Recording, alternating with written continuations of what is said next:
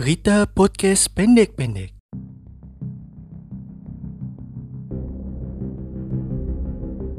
Provinsi Jawa Barat berhasil menjadi juara umum Pekan Olahraga Nasional yang ke-20 di Papua pada cabang olahraga atletik setelah meraih 11 medali emas dan 5 medali perak.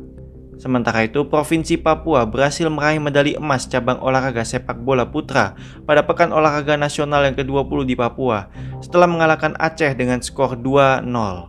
Sementara itu, dua warga Kabupaten Merangin, Jambi meninggal dunia akibat diterkam harimau Sumatera pihak BKSDA Jambi masih berusaha untuk mengamankan harimau Sumatera tersebut yang masih berkeliaran di hutan dan pemukiman warga. Sementara itu, polisi berhasil menangkap seorang pria bersenjata busur dan anak panah di kota Kongsberg, Norwegia, yang mengakibatkan lima orang tewas dan dua lainnya luka-luka. Sementara itu, Polres Metro Jakarta Pusat menangkap direktur salah satu televisi swasta lokal di Jawa Timur terkait dugaan penyebaran hoax yang mengandung unsur SARA di media sosial.